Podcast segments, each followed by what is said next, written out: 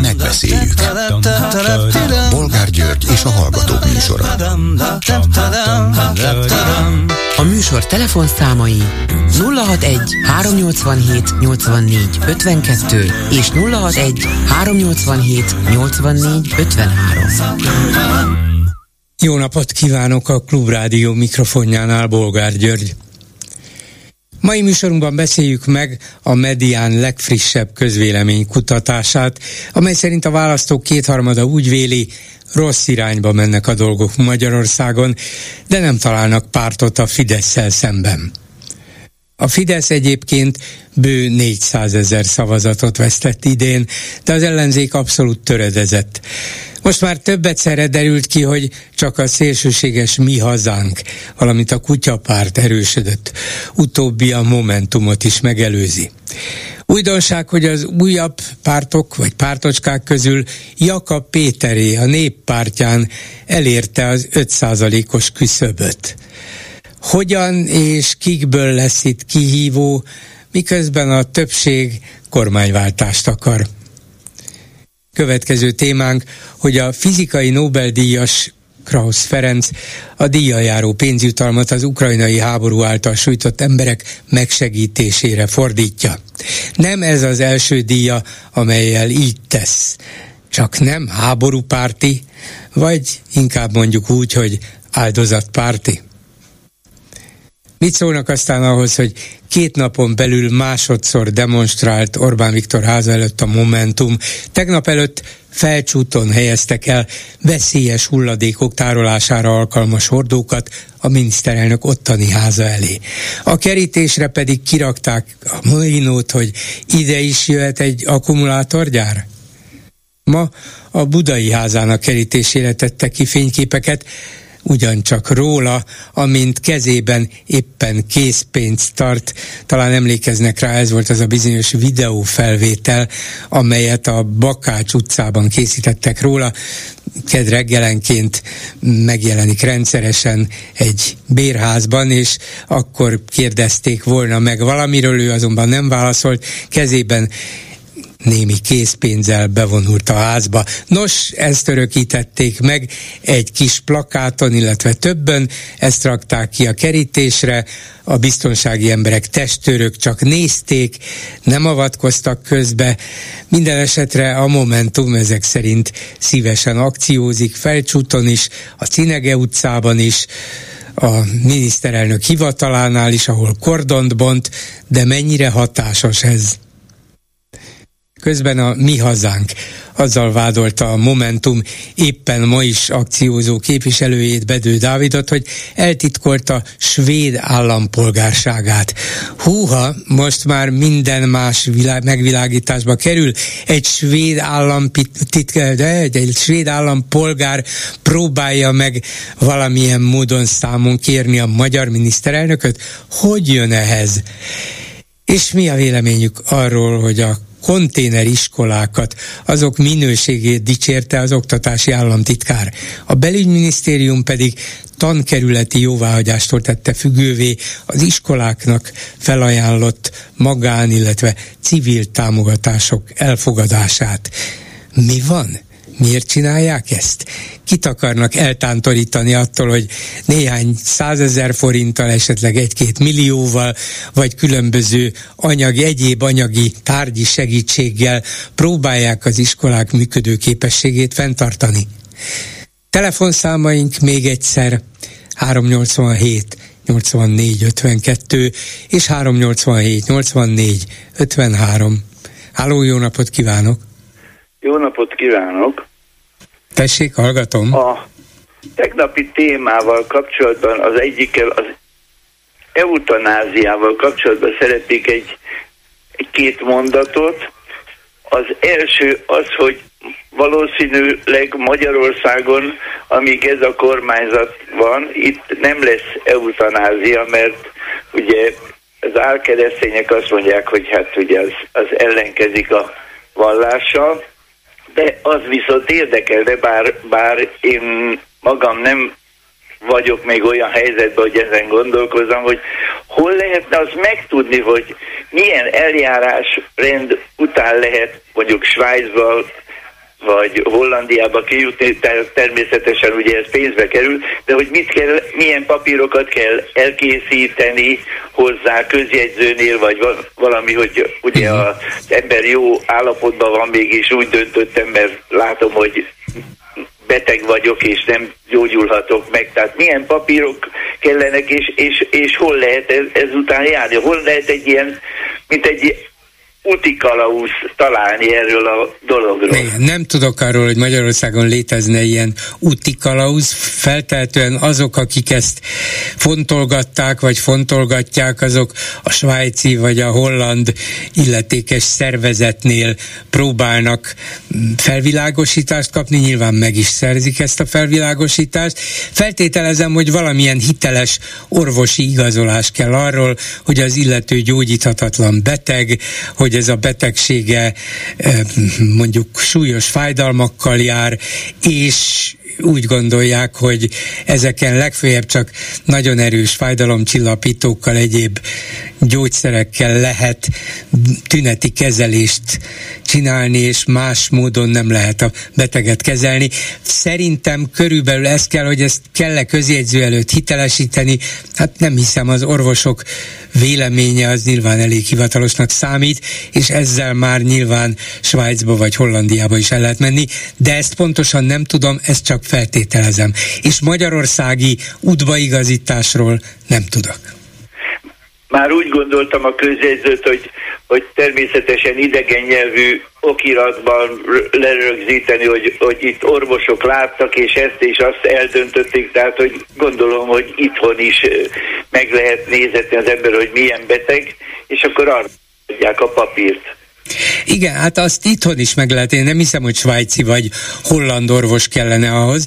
Nyilván egy magyar orvos azt, azt talán nem írja le és nem mondja ki, hogy hogy támogatom azt, hogy az illető egy ilyen segített eutanáziátban részesüljön, mert akkor talán ő is felelősségre vonható, de azt nyilván mindenféle következmény nélkül leírhatja, hogy XY halálos beteg, ez a betegség ezzel és ezzel jár, ilyen és ilyen módon diagnosztizáltuk, és a mindennapi élete állandó fájdalmak között te, telik és zajlik.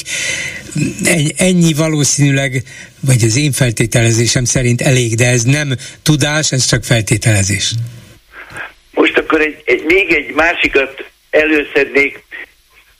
Másodikán, október másodikán kivezették a tőzsdéről az ott egy, az ott one részvényt, és most ez nem csak az ottoneval kapcsolatban, hanem Magyarországon most az a törvény, hogyha van egy ilyen részvény a, a spekulások számláin, akkor ugye a számlát se lehet megszüntetni, és a, azon az értéken, amin utoljára forgott a papíroda, be van írva, és ugye a számlavezetési díj, vagy állománydíj, mindegy, hogy minek nevezik a bankok, ezt fizetnie kell a szerencsétlennek, aki vesztett, esetleg több milliót. Én nem sokat vesztettem, tehát nem vagyok több millióban érintett, de viszont ez egy, ez nem fair, hogy ugye már nincs értéke a papírnak, és mégis a évekig esetleg fizetnie kell az állománydíjat a, a, a vesztesnek. Uh-huh. Nem lehetne valakit megkérdezni, hogy,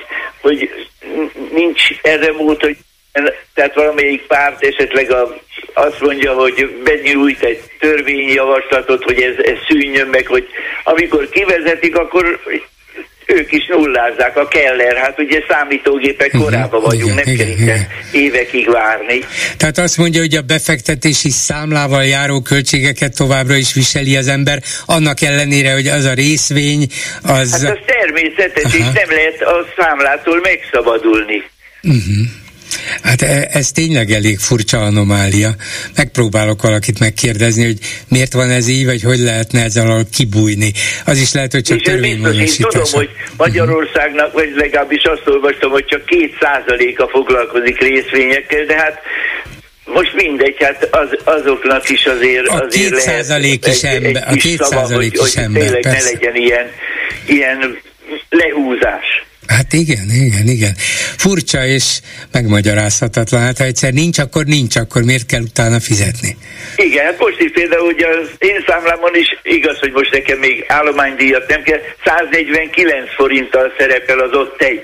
Uh-huh. Holott most már nincs, és tudja mi? Április 15 2021 április 15-én függesztették fel, ugyancsak most vonták vissza, de tehát itt volt a nyáron a Set Group, meg minden, minden ugyanúgy szerepel a számlákon. Nekem de az ott egynél vagyok én érdekelt, és látom a fórumban a szerencsétleneket, hogy próbálnak mindenféle médiához, meg ide-oda fordulni, hogy valahogy karolják fel, hogy ez, mert ugye ez a csapat, valamennyire kormány közeli lehetett, lélegeztető bizniszben benne volt, 2020-ban hát akkor 10 eddig, milliárdot szerzett. Akkor eddig jól fizetett. Ember 12 milliárd volt a nyereségük. Akkor eddig jól fizetett, önnek is, nem? Haló? Nekem nem, nekem nem fizetett jól, mert Csak, én... Értem. Csak annak, aki volt az a cég. Jó, jó, jó, persze, persze, persze. A lényeg az, hogy ők, a G7 portálon olvastam, ők, amiben amire pályáztak, mindenben nyertek, semmit nem valósítottak meg, de hogyha ők tyúketrecre vagy űrhajó építésre pályáztak, ők mindig nyertek. Hát látja, minden jónak vége szakad egyszer, de ők valószínűleg megúzták némi milliárdos napon, pont itt végen, milliárdos nyereséggel, aztán akinek volt egy pár ilyen részvénye, az meg fizet utána, miközben kivezették a tőzsdéről.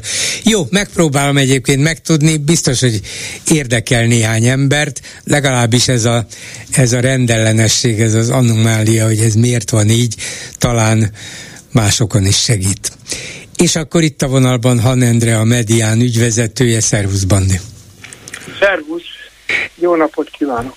És a legújabb közvélemény kutatásotok mm, azzal az érdekes következtetéssel, vagy következtetéssel foglal, igen, mondjuk így következtetéssel foglalható össze, hogy, hogy Magyarországon a, a választók kétharmada úgy gondolja, hogy az országban rossz irányba mennek a dolgok, jóval többen szeretnének kormányváltást, mint, mint ezt a kormányt megtartani, de a konkrét pártpreferenciák végül is ezt nem igen igazolják vissza. A Fidesz a teljes választói körben, a teljes népességben még mindig még mindig viszonylag népszerű, a biztos pártválasztók körében is volna 46 százalékük, szóval nyilván még az új parlamenti kétharmad is összejönne, az ellenzék meg darabokra, sőt egyre több darabra szakadt. Mi, kicsikét profánul fogalmazok a kérdésemben, mi a bánat van itt? Hát minden, minden lényeges dolgot összefoglaltál a felmérésünkből. Tényleg egyre, egyre kínosabb ez, tehát ahogy, ahogy csökken a Fidesz támogatottsága, azért az nem, nem elhanyagolható. Persze, hogy most is vezet, de, de ha konkrétan ezt a választani tudó biztos szavazókat nézzük, és ez azért fontos szám, mert ez hasonlítható a tényleges választási eredményhez. És ez most 46 százalék a Fidesz esetében, miközben tavaly áprilisban a tényleges választási eredmény 54 volt. Tehát ez jelentős csökkenés, ahogy a bevezetőben kiemelted az idei 400 ezer, hogyha úgy vesszük a választás óta, ez egy 800 ezer fő körüli veszteség. Na de hát ez, ez nem is olyan nagy dolog szerintem. Minden normális ilyen választási ciklusban, és azt hiszem, hogy ez világszerte jellemző, többé-kevésbé, a hatalmon lévők jelentősen veszítenek a népszerűségből, már csak azért is, mert elég sok népszerűtlen intézkedést kell meghozni. Na de hát ez, ez nem jelenti azt, illetve ez általában azt is jelenti, hogy a vele szemben álló politikai erő, vagy erők jelentősen megerősödnek. Itt pedig erről egyáltalán nincs szó. Hát annyira, hát, annyira nincs szó, hogy ugye a tavaly áprilisi választáson ez az összefogott ellenzék nagyon kikapott, de még mindig volt 34 százaléka. Hogyha most összeraknánk ezeket a pártokat, már nem is lenne 34 százalékuk. Ja nem, nem, nem. 21 néhány százalékuk van, úgyhogy ez eh, tényleg tényleg már, már nagyon kínos, és hát persze az, az is mutatja, hogy, hogy, hogy nem erősödik a, az ellenzék, vagy az is ennek egy jele, hogy rendkívül erősen nő megint a választani nem tudók, akiket így köznapi nyelven bizonytalanoknak szoktuk nevezni. Ezeknek egy része most tényleg bizonytalan, azokon kívül, akik persze semmikor nem mennek el szavazni, biztosan nem fognak választani. Azért van egy jelentős tömb, amelyik szeretne, hiszen azt mondja, hogy biztos szavazó, és, és mégis ott áll, nem tud pártot választani. Tehát ez, ez a szám, ez nagyon megnőtt, ez most már egy harmad. Ez érdekes, korábban is gyakran volt ilyen helyzet, de ebben a mostani választási ciklusban még nem, hogy a felmérésekben majdnem teljesen azonos méretű három e, részre szakad a társadalom.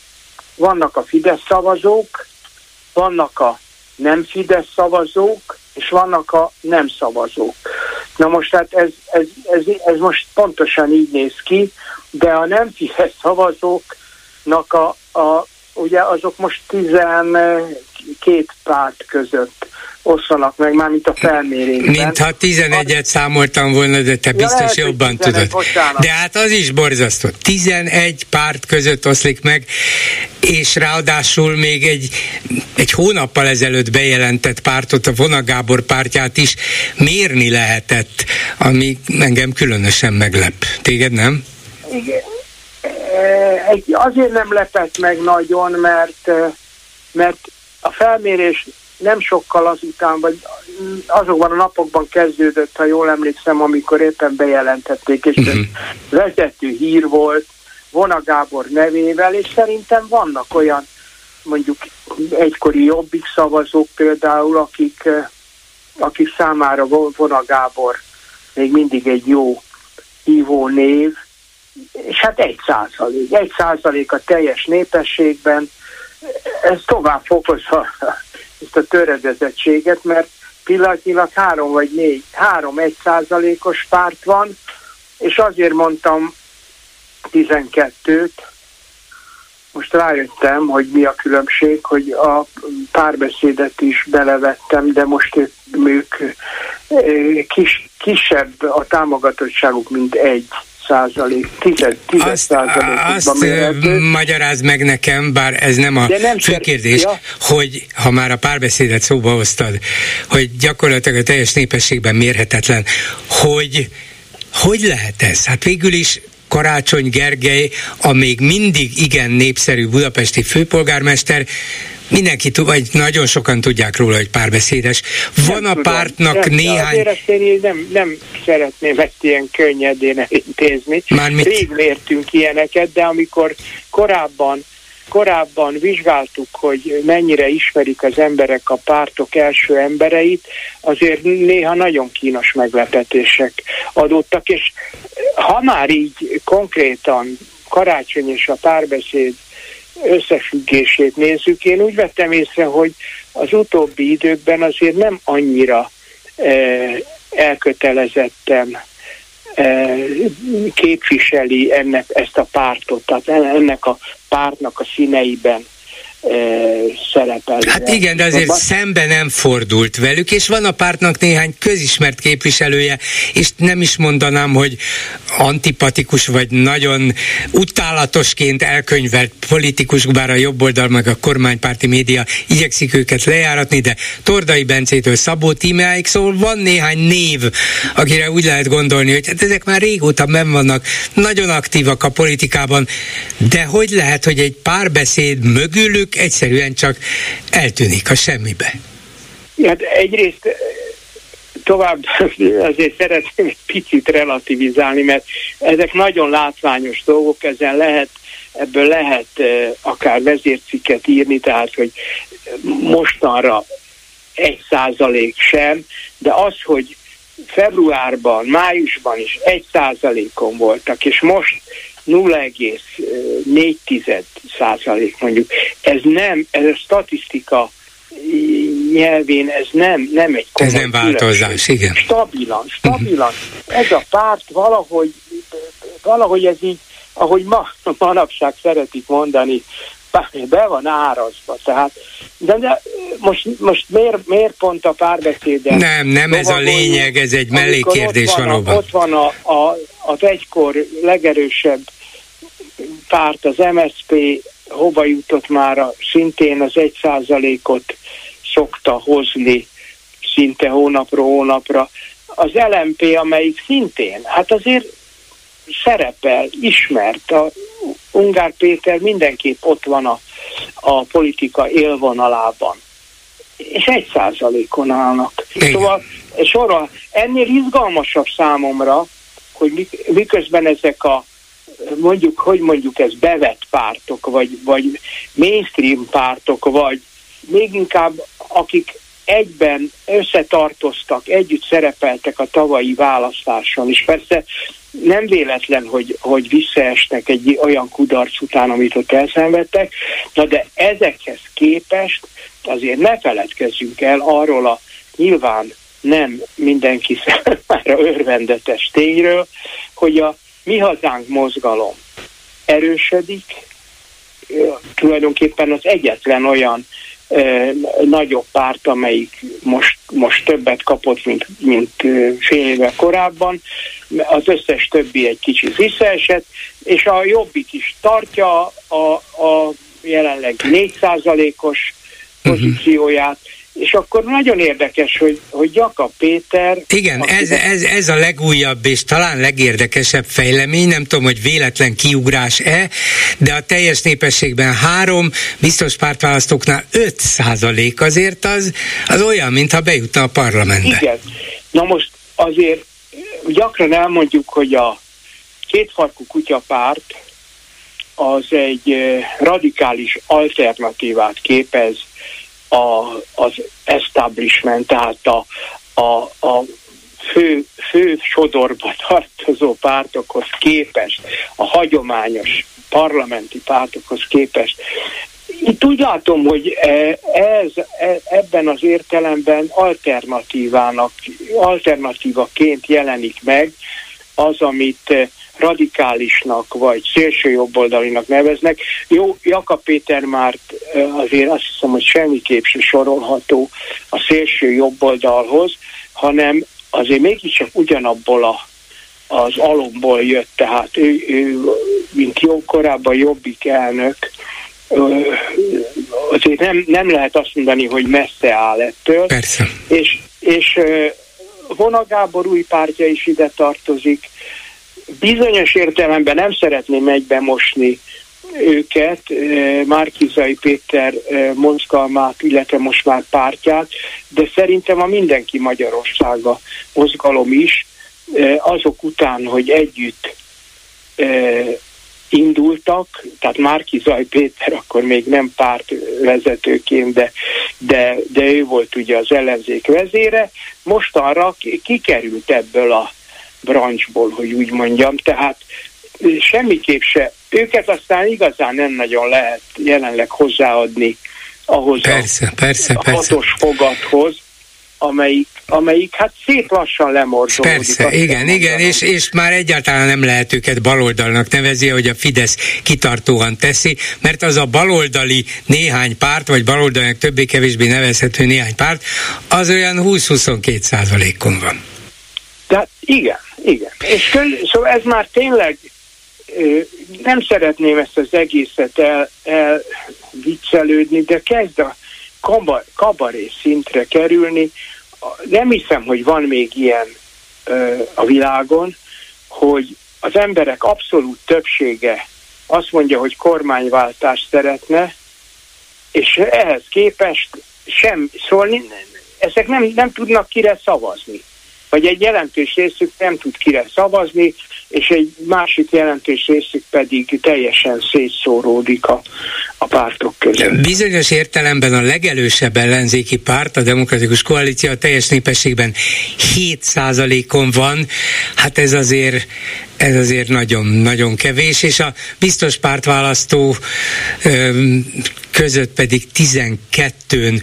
Jó, lehet, hogy a, a, vannak olyan közvéleménykutatások, amelyek egy kicsit többre mérik, de a 20 lényegében sehol nem éri el, am, mintha megint csak azt mutatná, hogy a DK-nak a nagyon következetesen gyakorolt politikája, hogy én megmutatom az alternatívát, hogy nekem árnyékkormányom van, hogy én naponta négy-öt kérdésben állást foglalok, hogy határozott követeléseim vannak, nagyon konkrét tudok lenni, ezt és ezt és ezt szeretném, ezt és ezt ítélem el, és nagyon határozott vezető egyéniségek vannak Dobrev és Gyurcsány a párt élén, ez így mind együtt sem elég ahhoz, hogy a DK előre törjön és, és közelítse a Fideszt. Miért? Hát először is nem, nem ez, amit itt felsoroltál, hogy mi mindent tesznek, és mi mindennel próbálkoznak, és milyen kontúros politikát próbálnak képviselni, ez azért akárhogy is nem nagyon jut el a, a, a társadalom legszélesebb rétegeihez. E, ehhez politikai érdeklődés kell, intenzíve politikai érdeklődés kell, tudatos hírfogyasztás kell, a, a mainstream médiában ezek nagyon, nagyon nehezen jutnak el. És hát ott van, nem akarom én ezt a témát, már tudom, eh, hogy, jönnek a hallgatói telefonok, mert nagyon, nagyon elkötelezett hívei vannak a demokratikus koalíciónak, és Gyurcsány Ferencnek is, és Dobrev Klárának is, de azt, hogy továbbra is nagyon megosztó személyiség a pártelnök, ez, ez nem vitatható. Tehát eh, hiába, hiába nagyon sokan kedvelik, és nagyon sokan követnék, nagyon sokan vannak, akik pedig minden alkalmat megragadnak arra, hogy elhatárolódjanak tőle, hogy kritizálják. Hát ez így, így, így nem fog menni, szóval tényleg az, az, a, az az aggasztó, hogy már nincs egy év, egy három ilyen év van a, körülbelül a európai parlamenti választásokig. Én korábban azt a szót, azt a azt a szót dobtam be, hogy ez egy selejtező lesz. Tényleg az lesz, mert szerintem az, azért azok a pártok, amelyek most ennyire rosszul állnak, tehát lehetetlen, hogy, hogy, hogy hogy ezek magukra találjanak és átvigyék a lécet, ugye? Az, az, az, az, az lehetetlen, elvileg is, de gyakorlatilag különösen. Most kérdés, akkor ebből milyen következő? Hát ez az, hogyha együtt nem megy, mert 11 darabra estek szét, vagy porlattak szét, vagy osztottak szét, és, és egyik se emelkedik, vagy tud ki, igazán kiemelkedni közülük, mi van? Van-e harmadik út? Hát én nem fogom ezt, ezt, ezt a receptet most kitalálni, elég sokan ö, próbálnak ötletekkel előállni, de nem, nem látom azt az érdeket, ami ezeket. Szóval kialakult egy olyan helyzet, amiben szerintem maguk a politikusok is, a, a pártok is többé-kevésbé reménytelennek érzik a helyzetet, és ez egy kult szó, mert tudom, hogy ebben a rádióban és ebben a műsorban is mennyien kritizálják azokat, beleértve a műsorvezetőt is, hogy ne, ne, ne vegyük már el a reményt. Na de hát én nekem e, e, ebben nincs különösebb dolgom, én nekem az a dolgom, és a mediának az a dolga, hogy lehetőleg pontosan és megbízhatóan mérje a politikai erőviszonyokat, és hát ez, ez derül ki hónapról hónapra, évről évre, és aztán a választások előtt megint majd én leszek a rossz hír hozója, akire mindenki legalább 24 órán keresztül haragudni fog, de hát egyelőre, egyelőre nem látszik különösebb oka az ellenzék számára a reményre.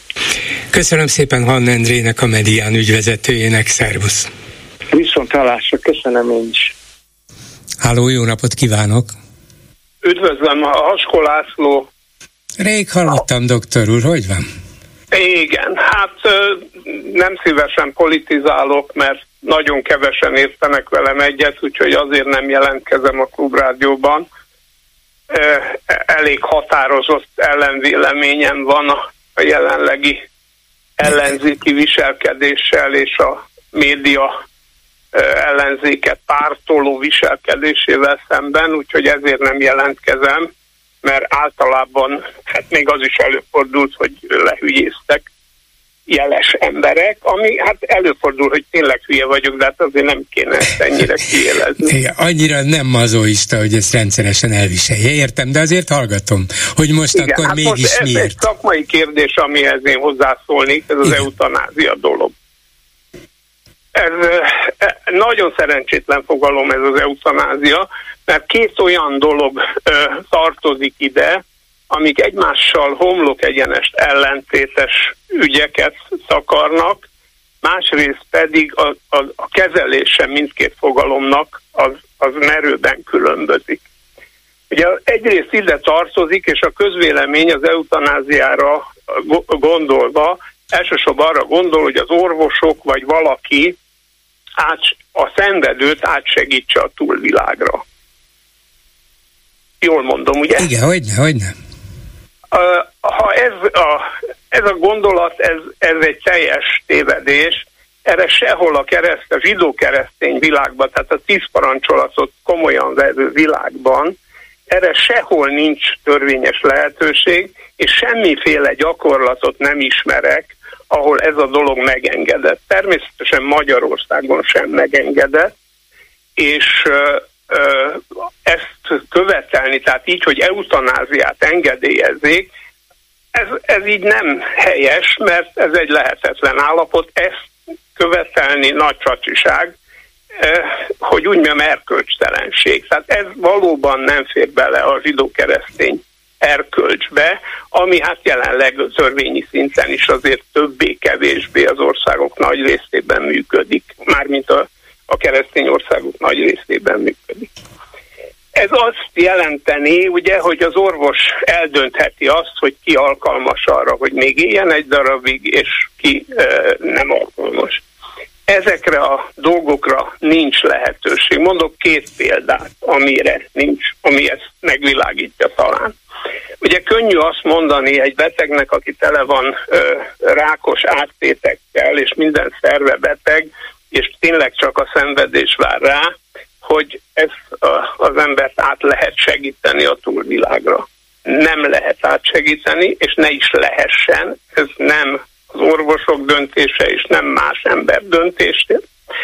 Az orvosnak itt egy feladata van, hogy csökkentse az illető fájdalmát, és erre megvan a lehetőség.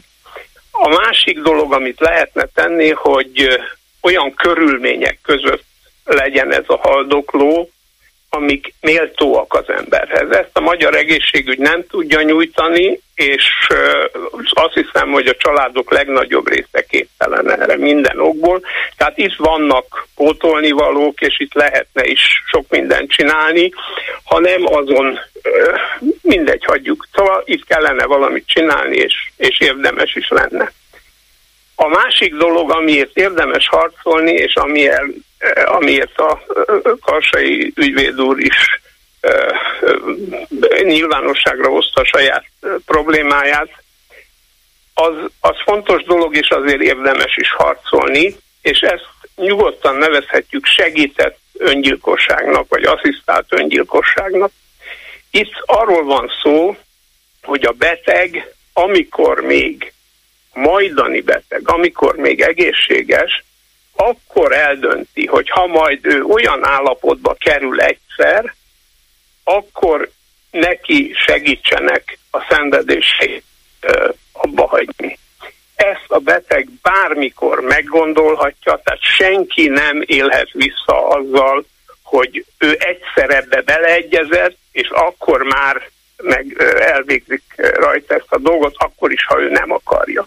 Bármikor visszavonhatja, illetve egyszerűen megteheti, hogy nem is veszi igénybe a dolgot, tehát ő úgy dönthet bármikor, hogy a szenvedés az tovább folytatható. És ez, ez egy, megint csak egy nagyon fontos emberi jog, hogy, hogy az utolsó pillanatig ő dönthessen. Ugye az öngyilkosságot azért nem szeretjük, mert az egy végleges döntés. Tehát az, az az egyetlen olyan emberi döntés, ami nem helyrehozható. És ez valaki most öngyilkos akar lenni, öt perc múlva akármilyen másokból meggondolhatja magát, tehát mindenképpen meg kell mentenünk az öngyilkosokat bármi áron, akkor is, hogyha ők nagyon-nagyon meg akarnak halni, és ha 30-szor lesznek öngyilkosak, a 31. alkalommal is mindent meg kell tenni, hogy még egyszer végig gondolhassatok. Ugyanez érvényes az asszisztált öngyilkosságra is. Ott is meg kell, hogy maradjon az utolsó máshoz percig a lehetőség, hogy ő ezt ne kérje, ne vegye igénybe. A, tehát lényegében, amikor valamilyen dolgot követelünk, az csak az lehet, csak az lehet tisztességes követelés, hogy az ember saját maga döntsön a sorsáról. És az a döntés ráadásul nem is kötelezi őt semmire. Tehát ha meggondolja magát, nem veszi igénybe a dolgot. Na most, hogy technikailag hogy néz ez ki, hollandiai viszonyokat ismerem, és azt tudom mondani, porzasztan egyszerű, ahogy, ahogy, ahogy a józanész is nagyon egyszerű. Az történik, hogy a beteg választ egy házi orvost, aki egyébként végez, hát sajnos ezt a szót kell használni, eutanáziát. Tehát inkább azt mondanám, hogy aki vállalja az asszisztált Hogy asszisztál az öngyilkosságban, igen. Hát, hogy segíti a beteget az öngyilkossághoz. Ez technikailag azt jelenti, hogy beköt egy infúziót, amit speciál a beteg nyit ki abban a pillanatban, amikor úgy dönt, hogy köszöni szépen elég vagy pedig meghatalmaz valakit, stb. stb. Tehát ez lényegtelen kérdés, de a lényeg az, hogy a beteg az utolsó pillanatig kitart az, az öngyilkosság mellett, befejezetnek tartja az életét, és csak a segítséget kéri, nem a döntést. És ez úgy történik, mondom, hogy választani kell egy házi orvos, vagy családorvos, nem tudom, hogy az hogy hívják, aki ö, ö, mondjuk az illető 60 éves, és úgy dönt, hogy ha majd egyszer beteg lesz, akkor ő lehet, hogy igénybe veszi ezt a választott öngyilkosságot. Ehhez se közjegyző, semmi az égvilágon nem kell. A házi orvos nyilvántartásba veszi őt, az adatait, stb. stb. És amikor a beteg kap egy olyan betegséget, ami ezt a bizonyos választott öngyilkosságot engedélyezi, vagy ki, ki követeli, vagy hogy mondjam ezt éppen, hogy amikor szükség van rá, akkor meg felkeresi a házi orvost, és megmutatja neki a diagnózist. És akkortól kezdve ők együtt dolgoznak, addig, amíg esetleg szükségesé válik, vagy pedig a beteg azt mondja, hogy köszönöm, kibírom, lesz, ami lesz, vagy meghalok magamtól, stb. stb. Értem. Hát köszönöm, doktor úr, ez egy kicsikét világosabbá teszi, hogy mik ott a lehetőségek, és milyen feltételei vannak ennek. Magyarországról is nyilván csak odáig kell eljutni, hogy az illető Hollandiába vagy Svájcba eljusson, és akkor nyilván az ottani feltételeknek megfeleljen. Köszönöm szépen, hogy hívott viszont hallásra.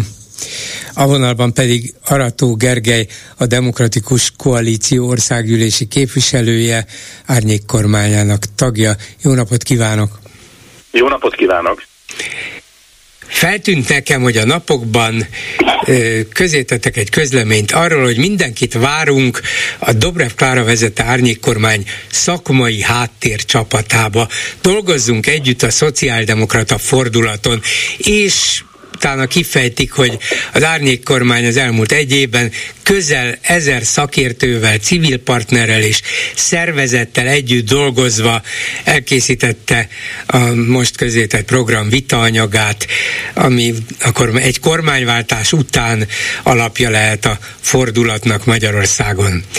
De engem most az érdekel, hogy most kezdenek toborozni, vagy új szakértőket próbálnak toborozni ahhoz, hogy még alaposabb, még jobb, még ütősebb programot ö, ajánljanak a választóknak? Hát az ember azt feltételezné, hogy egy ellenzéki párt, amelyik ráadásul a legerősebb az ellenzéki porondon, sok szakértővel dolgozik, hát nem fordul a széles nyilvánossághoz, hogy gyertek szakértők, mert van, vannak neki szakértői. Mm, értem, hogy mire gondol, de szerintem ez egy alapvető félreértés. Ugye arról van szó, hogy az árnyék kormány, amit a megalapult, azóta kimondottan kormányprogramszerű részletes szakpolitikai elképzeléseken dolgozunk, tehát ez jóval több és jóval mélyebb, mint egy választási pártprogram. Ennek a, ezt a munkát egy éve folytatjuk, az úgynevezett kabinetekben és a köréjük szerveződött műhelycsoportokban, de most egy, egy újabb szintre értünk el ebben a munkában.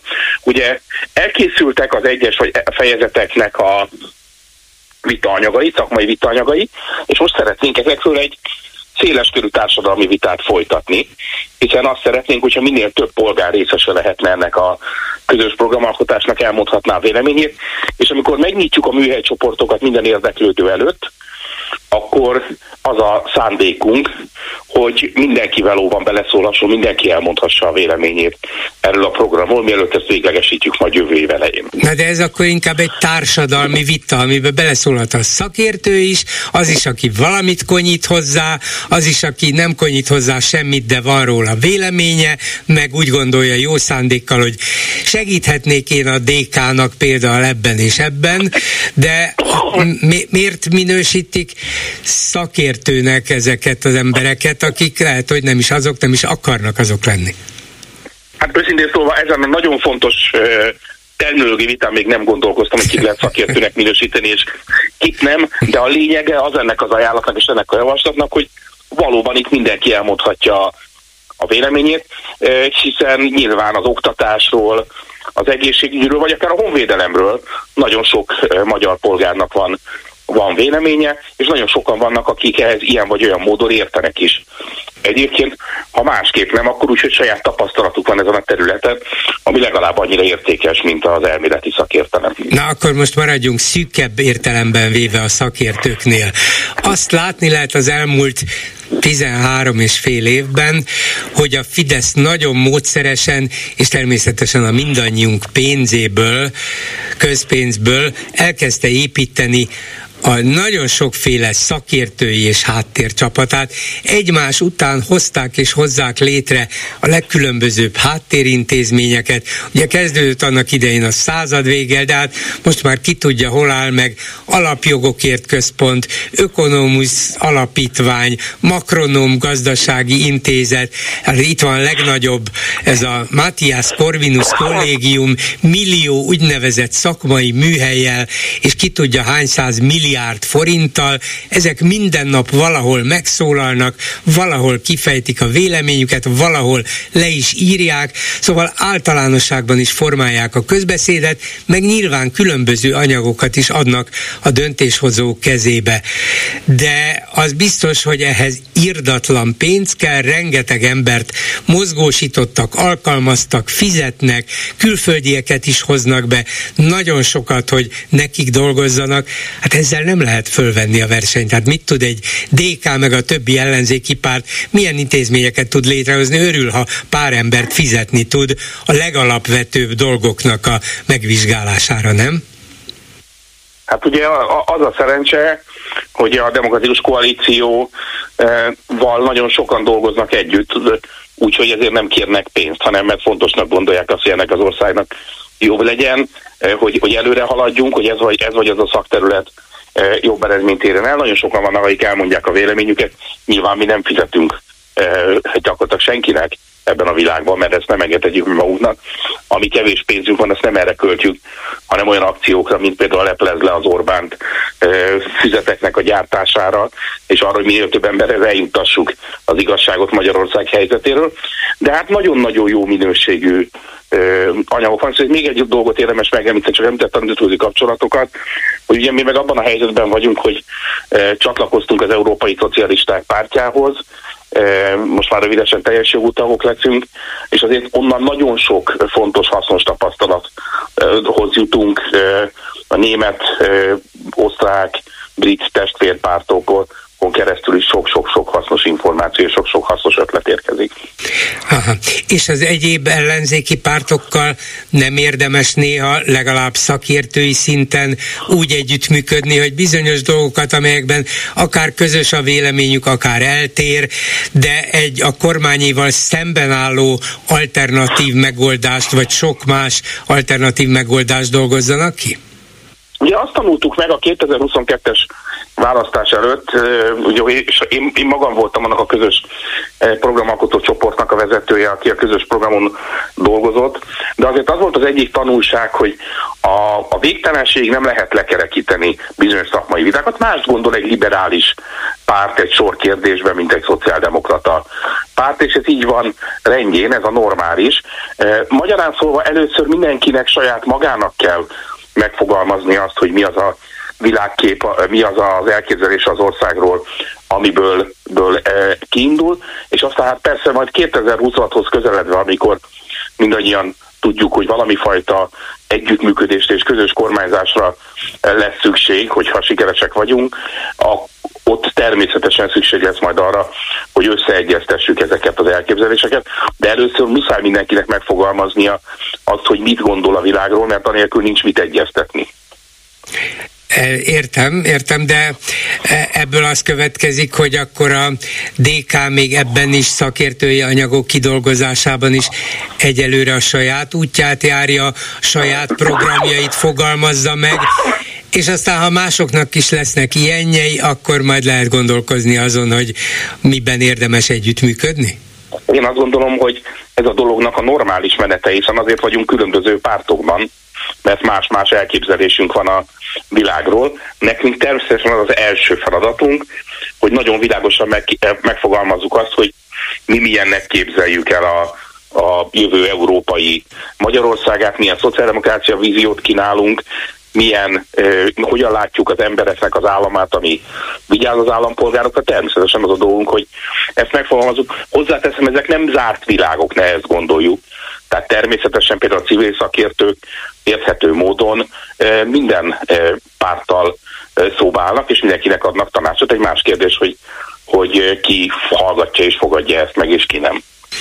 Végezetül még egy dolgot, hogy ezek a szakértők, akikkel eddig együtt dolgoztak, most együtt dolgoznak, és azok, akiktől további segítséget várnak, nem félnek. Hát azért a Orbán kormány, ha el nem viteti is őket, de azért, azért nyilván ö, igyekszik eltanácsolni a, mondjuk a jobb szakértőket attól, hogy hát éppen a DK-nak akartok tanácsot adni? Én meg is tudlak fizetni, de hogyha esetleg beleütöd az orrodat valami olyasmibe, ami nekem nem tetszik, annak is meg lehet a következménye. Szóval nem tartanak attól, hogy a szakértők egy része vagy magától fél, vagy tesznek arról a fideszesek, hogy féljenek egy kicsit. Hát szerencs- szerencsére mi azt tapasztaljuk, hogy sokkal több a bátor és tisztességes ember ebben az országban, mint talán néha fel, szokták tételezni. Nagyon sokan vannak, akik tudják, hogy vállalnak személyes kockázatot is, ennek ellenére örömmel segítenek, és partnerek abban, hogy talán, kitaláljunk egy jobb Magyarországot. Köszönöm szépen Arató Gergelynek, a DK frakció vezető helyettesének. Viszont hallásra! Viszont hallásra! 100 millió 978 ezer forint jött össze eddig, nem a vége, de azt kell mondanom, hogy szép szám, jól hangzik, gondolom önöknek is, nekünk is, miután feltételezésem szerint, hogy nagyjából négy hétig tart ez a gyűjtő hónapunk, gyűjtő héttel kezdtük, aztán már lassacskán hónapnál kell, hogy tartsunk. Úgy gondolom, hogyha ilyen ütemben és ilyen lelkesedéssel folytatják a hallgatóink, akkor megmaradunk. Köszönjük szépen röviden a ma délutáni témáinkból A Medián legfrissebb közvélemény kutatása szerint a választók kétharmada úgy véli, hogy rossz irányba mennek a dolgok Magyarországon. A többség kormányváltást akar, viszont az ellenzék 11 pártra szakadt, és még a legerősebb közülük a demokratikus koalíció is csak a biztos pártválasztók 12 százalékának bizalmát bírja, a Fidesznek meg 46 van. Aztán következő témánk, hogy a fizikai Nobel-díjas Krausz Ferenc a díjjal járó pénzjutalmat az ukrajnai háború által sújtott emberek megsegítésére fordítja. Nem ez az első díja, amelyel ugyanígy tesz, úgyhogy ezt is rá lehet mondani, hogy na hát úgy látszik háborúpárti pedig csak áldozatpárti. De minden esetre nyilván azok mellett áll ki, akiket megtámadtak az oroszok aztán két napon belül másodszor demonstrált Orbán Viktor ház előtt a Momentum. Tegnap előtt felcsúton helyeztek el veszélyes hulladékok tárolására alkalmas hordókat a miniszterelnök háza elé, kerítésre pedig kirakták, hogy ide is jöhet egy akkumulátorgyár. Ma a budai Cinege utcában a kerítésre tette ki fényképeket Orbánról, amint éppen számolgatja a kezében lévő készpénzt, hova lett a pénz, ez volt a fényképekre írva, hát tényleg hova.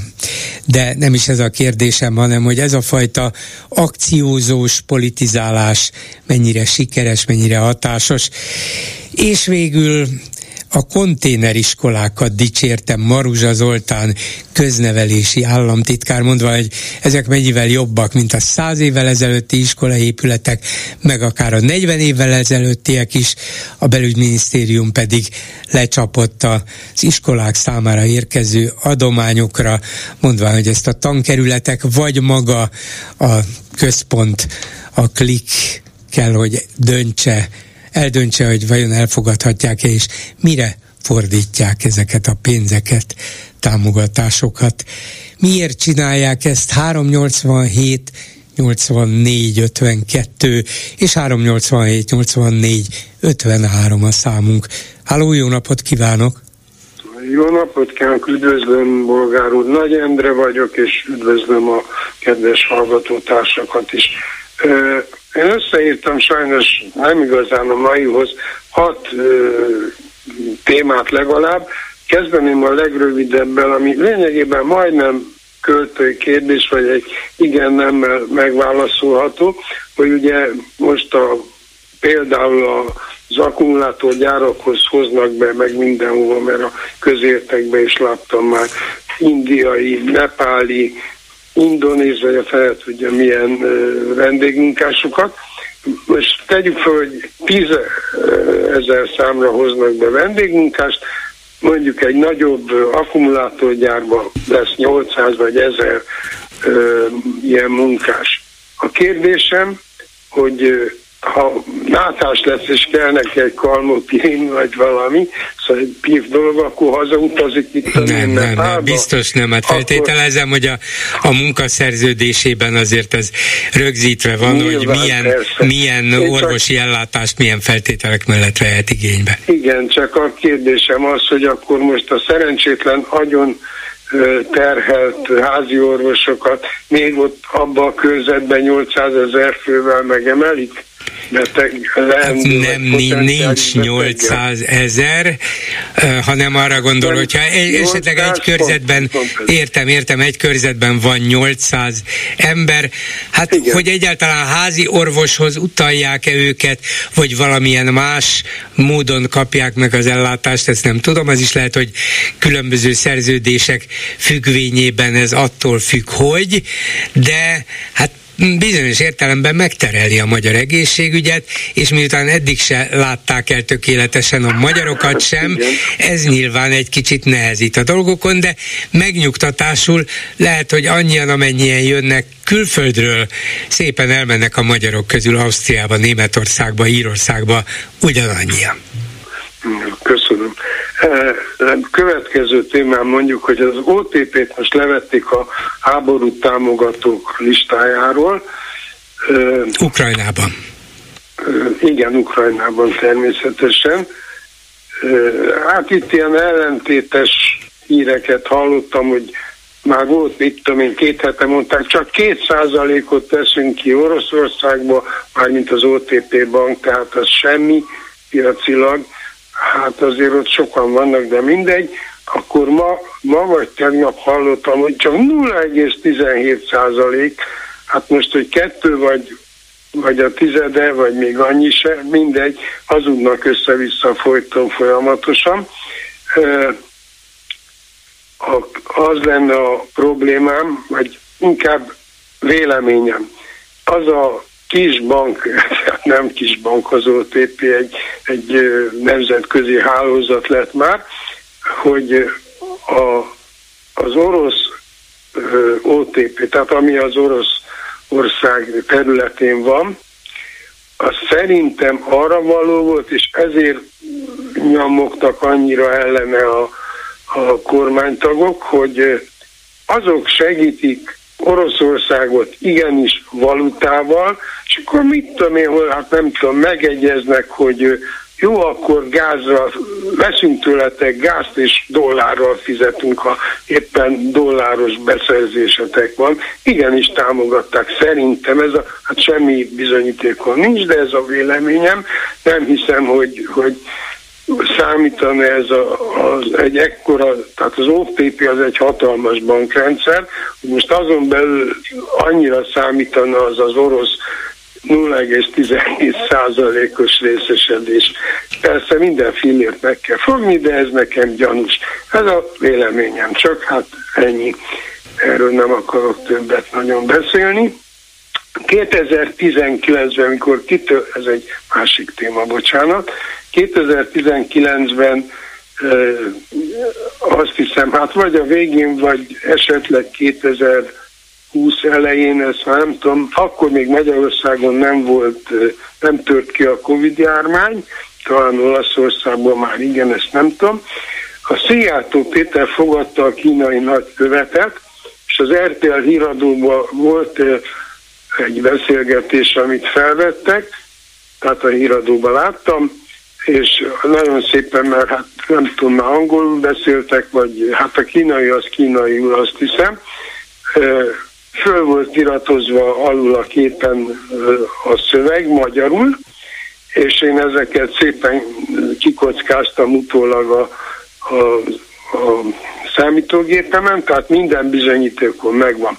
Azt mondta a kínai nagykövet, és hálásan a Szijjártónak, ugye aki akkor már külügyminiszter volt, a kínai nép soha nem felejti el, hogy a Covid kitörésekor Magyarország volt az első ország, amelyik segített. És azóta is ilyen taf vagyok, és értetlenül állok, mivel segítettünk, mert azt arról nem volt szó. Orvost küldtünk, hát nálunk sincs, vagy legalábbis nagyon kevés. Akkor pénzt, hát pénzünk százszor annyi van, mint Magyarország. Hát nem, nyilván nem. Hát talán valamilyen orvosi laboratóriumi a vírus izolálásában, vagy valami ilyen jellegű segítségre én emlékszem. Én arra gondolok, ne haragudjon, bolgárul, én nem vagyok annyira naív, de lehet, hogy nagyot tévedek, hogy, hogy hát mivel segíthettek? Ugyanúgy, mint a szocializmus idején ilyen lejárt gumicsónakokat Azzal biztos küldtek, nem az, Na, az nem, biztos nem, nem kellett, nem. Nem, most nem gumicsónak, a lényeg az, hogy egy ilyen tengeri, mit tudom, Kubában nem biztos, és közben nem bírta a sós vizet, úgyhogy annyi. De ezért szállítottunk. Jó, nem ez az érdekes, szóval Szerintem akkor a orvosi maszkokat és a gumikesztyüket, mert akkor nem gondoltuk volna, hogy ide is betel, azt, hát az úgyis idővel már higiéni okokból lejárt, stb. Na, azt kiküldtük nekik. Aztán jött az, és olyan hiány volt még orvosi maszkból is, hogy hát gyárakat, meg honnan, meg gondolom kiküldték. A, De ha véletlenül a... innen küldtek Kínát megsegíteni, akkor ez busásan megtérült, mert aztán százezerszer annyit küldtek ők vissza. Hát nem Így szép van. Tőlünk, hát segíteni és, kell. Még és hát a kérdés az, hogy kinek, kinek térült el, mert nekem meg kellett venni elég drágán akkor a maszkokat, és hát ez egy fogyóeszköz, de például valakinek a kormányba ezer százalékos sokkal jobban megtérült, mert ö, biztos emlékszik mindenki rá, hogy ö, ugye a kínai vakcinát, vagy ellenszert, vagy hogy mondják, ezt vettük meg, amiről hát utólag kiderült, ha nem is a legrosszabb, de nem is a legjobb, és viszont a legdrágább volt, az biztos. Hát, hogy aztán olcsón vettük, csak nagy volt a kereskedőnek a haszna, közbeiktatott fölösleges kereskedőnek a haszna, az egy más kérdés. Igen. De a lényeg az, hogy igen, de a lényeg az, hogy kétszer ad ki gyorsan ad, és hogy mi esetleg háromszor annyit fizettünk érte. Hát ez is azt mutatja, hogy Orbán Viktor mennyire a szívén viselte a veszélyeztetett magyaroknak a, a gondját, az egészségét. Azt mondja, hogy a föld alól is kerítek nektek vakcinát. Ha ez kínai, akkor azt kell fölvenni, mert hát ez az Európai Európai Unió olyan tehetetlen, hogy nem szállít nektek a kisújszállási asszonyság vakcinájából, ebből a Pfizerből. Úgyhogy valahogy így történt ez, de hogy valakik meggazdagodtak ezen is, abban egyetértünk. Köszönöm szépen. Viszont hallásra a vonalban pedig Bedő Dávid, a Momentum országgyűlési képviselője és frakcióvezető helyettese. Jó napot kívánok! Jó napot kívánok! Mindjárt beszélünk arról is, amiről elsősorban akarok, de közben megtudtam, hogy ön lebukott, és svéd állampolgár is, nem csak magyar, ezt a mi hazánk országgyűlési képviselője, bizonyos Novák előd leplezte le. Hát ezek szerint a svédek ötödik hadoszlopa, lehet, hogy ön az, aki valójában be akar jutni a NATO-ba, a svédek előre tolt embere, és lehet, hogy ön ellen kell harcolni, hogy megakadályozzuk itt a Magyarországgal szemben ellenséges svédek befurakodását az Észak-Atlanti Védelmi Szövetségben. Na, mesélje nekem, védekezzen, ahogy tud. Igen, óriási leleplezést tett közzé Novák előtt, amit azért is érdekesnek találok, mert én ezt sose titkoltam, és ráadásul Novák előddel három évig egy testületben is ültünk, és ott, ott is több magánbeszélgetésben is, meg szerintem testületülésen is elhangzott ez a ez az óriási titok. Valóban svéd állampolgár is vagyok a magyar mellett, ez úgy történt, hogy a nagyszülőm 1956-ban részt vettek a forradalomban, és el kellett menekülniük sajnálatos módon, és Svédországba kötöttek ki, és édesapám ott született, így lettem én is svéd állampolgár, amikor én születtem. Hát kicsit abszurdnak tartom, hogy ebből ügyet csinál Novák előtt, de hát a mi hazánktól, meg Novák előttől sajnos ez, amire lehet számítani régebben még a zsidókat akarták listázni, most, eh, most minden kettős állampolgárt listázni akarnak. Ez a szokásos fasiszta tempó, amit eh, a mi hazánktól, eh, mi hazánk hát Lehet, hogy most a svédek még gyanúsabbak, mint a zsidók, nem? Így igaz, így igaz. Teszem hozzá, hogy azért, hogy a Svédország NATO csatlakozása az nem csak Svédország érdeke, hanem Magyarország érdeke is, hiszen mi is ebbe a Védelmi Szövetségbe vagyunk és az, hogy egy ilyen ország, mint Svédországnak ilyen fejlett hadipara van, és hadserege, az csatlakozon ehhez a szövetséghez, ami minket is véd, egyértelműen Magyarország érdeke is, és ezért is abszolút, hogy most már a kormány több mint 440 napja halogatja ezt a kérdést. Hát igen, most, hogy mondta ezt a 440-es számot, tényleg totálisan megmagyarázhatatlan, és az ember nem csak az ember, hanem a politikusok is, az elemzők is tulajdonképpen hétről hétre latolgatják, hogy de miért is csinálják, mi lehet e mögött, mit akarnak ezzel elérni, mert tudjuk, hogy a törökök végeredményben bizonyos kurdokat szeretnének kiadatni, vagy valami módon elítéltetni a svédekkel, ezért gyakoroltak rájuk nyomást, az amerikaiakra meg azért, mert F-16-os vadászgépeket akarnak, tehát ott valahogy konkrétan megfontolható és valamilyen módon megfogható az, hogy mit is akarnak cserébe. A török alkudozási gyakorlatot ismerjük régóta, de mi lehet itt a, a, a magyar kormánynak a célja? Van önnek valami fogalma erről? Igen, a Törökország transzparens azt tekintve, hogy miért zsarolják a, a, a NATO-t ebben a kérdésben. Magyarország sokkal kevésbé már mindenféle magyarázatot hallhatunk a kormánytól, hogy miért nem veszik napirendbe, miért nem veszik napirendre ezt a kérdést a parlamentben. Én nem tudok mást elképzelni, mint hogy Törökországnak teszünk szívességet, hogy ne Törökország legyen az egyetlen ország, amely, amely keresztbe fekszik ennek a dolognak, hanem Magyarország is. Mást nem nagyon tudok elképzelni, mert mint mondtam, ez egyértelmű érdeke lenne Magyarországnak, hogy minél hamarabb ratifikálja Svédország NATO csatlakozását. Az alternatív, amit el tudok képzelni, az sajnos sokkal rosszabb, az még pedig az, hogy Oroszország érdekeit képviseljük itt a NATO-ban, mert az az egyetlen olyan ország, akinek, akinek nem érdeke, hogy Svédország csatlakozzon a NATO-hoz. Hát igen, miket mond itt ki nekem, hát ez borzasztó. Ez a feltételezés föl sem vetődött bennem. Na jó, akkor térjünk arra, hogy önök viszont akcióznak. Akcióztak ma is, személyesen ön, a Cinege utca 15-nél, amire érdekes módon az ellenség megtévesztésére az volt kiírva, láttam a videón, hogy 5. Úgy látszik leesett az egyes számát, azért tulajdonképpen vissza kéne helyezni azt a házszámot rendesen, de békén hagyták önöket a miniszterelnök testőrei, ott volt egy nagy kocsi, kiszállt valaki, bement a házba, kijött a házból, és ahelyett, hogy szépen elvonszolták volna önöket a kerítés mellől, hagyták, hogy elmondják a magukét, kirakják a fényképeket. Úgy látszik, a kutyát se érdekli az, amit a Momentum csinál a miniszterelnök házánál. Én inkább azt gondolom, hogy megfontoltan cselekednek ilyenkor, mert ők is tudják, hogyha, hogyha erősebben lépnek fel, akkor még nagyobb sajtóhíre van az ilyen dolgoknak, azért azért számítóak, taktikusak ezekben a kérdésekben.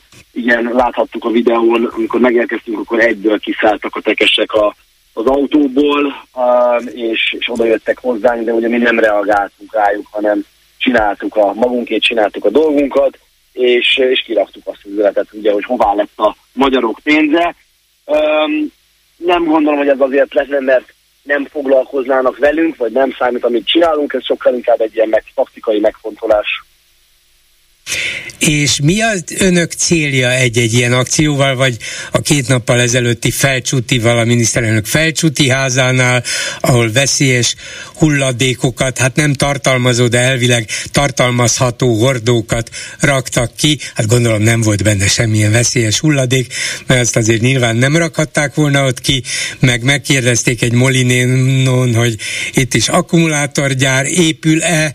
Szóval na- nagyon szellemes, de ezzel gondolja, hogy egy szavazóval is több jeleszt a Momentumnak, mint amennyi eddig volt, vagy volna? Mi nemrégiben elindítottunk egy országos átfogó kampányt, amiben rávilágítunk az igazságra, kimondjuk azt az igazságot, hogy ezt a jelenlegi inflációt, ezt a jelenlegi gazdasági válságot a kormány okozta, és a kormánynak az elhibázott gazdaságpolitikája.